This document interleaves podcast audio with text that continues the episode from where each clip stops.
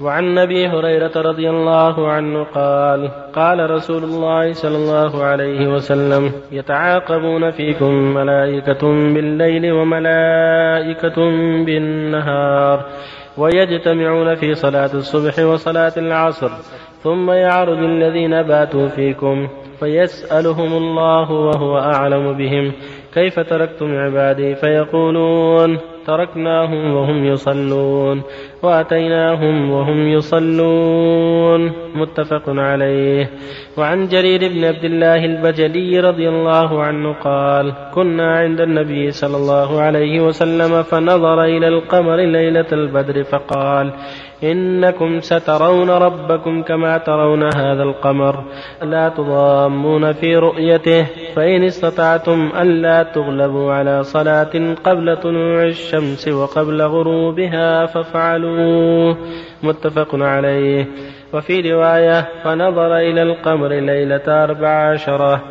وعن بريدة رضي الله عنه قال قال رسول الله صلى الله عليه وسلم من ترك صلاة العصر فقد حبط عمله. رواه البخاري. وبالله التوفيق وصلى الله على نبينا الحمد لله وصلى الله وسلم على رسول الله وعلى آله وأصحابه ومن اهتدى بهدى أما بعد هذه الأحاديث الثلاثة كالتي قبلها في فضل صلاتي الصبح والعصر. تقدم أن لهما خصوصية وأن المحافظة عليهما من أعظم الأسباب في المحافظة على البقية. وعلى بقية أمور الدين. وما ذاك إلا لأن العصا تكون لأن الصبح تكون في أول النهار عند حلاوة النوم لمن يسهر وعند شدة البرد في وقت البرد وعند حلاوة النوم في القيض. فكثير من الناس قد يكسل عنها ويضعف. ولكن أهل الإيمان والتقوى وقوة الإيمان يبادرون إليها في كل وقت ويحافظون عليها في جميع الأوقات.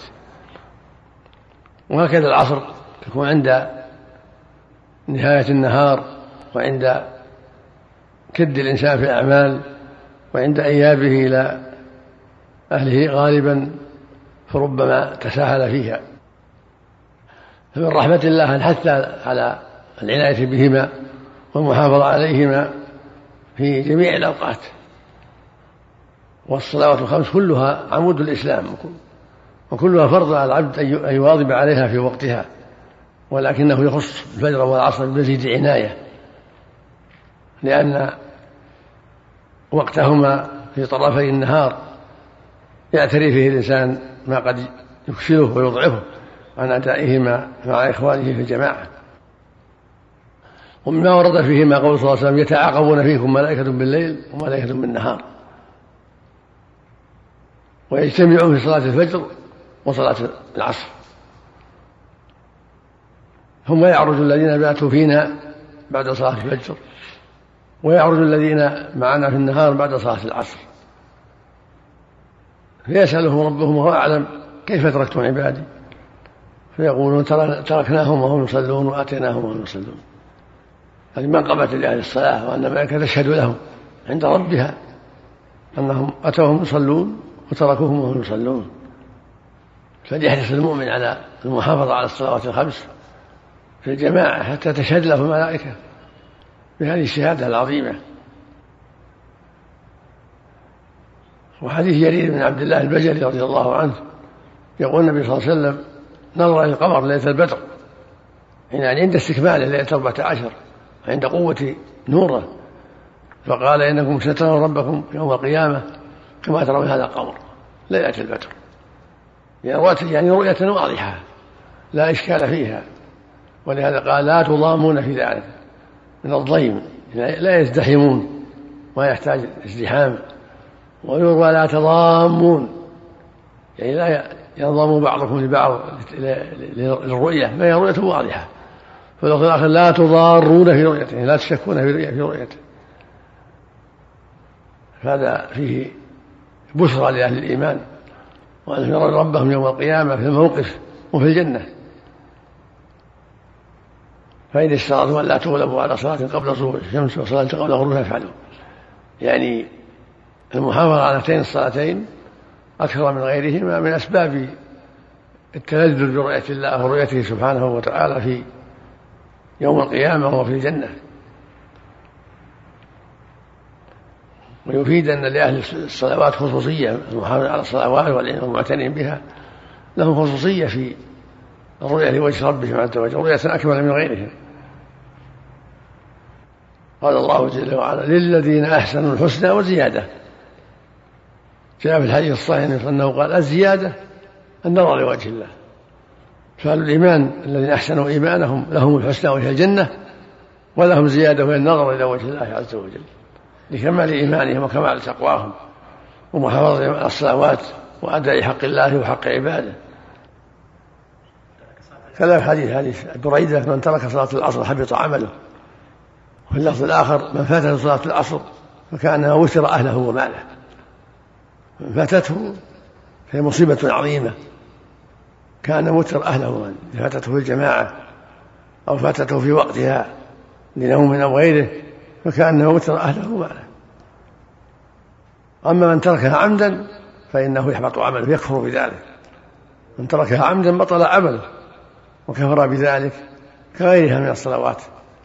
لقوله صلى الله عليه وسلم بين الرجل وبين الكفر والشرك ترك الصلاة. قوله صلى الله عليه وسلم العزم الذي بينه وبينهم الصلاة فمن تركها فقد كفر. هذا يوجب العناية في الصلوات والمحافظة عليها والحذر من تركها أو التساهل بأدائها في الوقت فهي عمود الإسلام وهي الفارقة بين المسلم والكافر وهي الحافظة. من حفظها حفظ دينه ومن ضيعها فهو لما سواها أضيع. والحديث الأخير يقول صلى الله عليه وسلم في الحديث الآخر يقول صلى الله عليه وسلم أول ما يحاسب العبد من عمله صلاته أول شيء يحاسب عليه يوم القيامة صلاته. فإن صلحت فقد أفلح وأنجح. وإن فسدت فقد خاب وأخسر.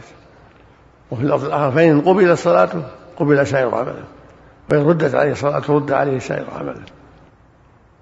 فعليك يا عبد الله أن تحرص على المحافظة على الصلاة بطمأنينة وإخلاص وخشوع وأن تكون لك عناية بالفجر والعصر أكثر وأعظم.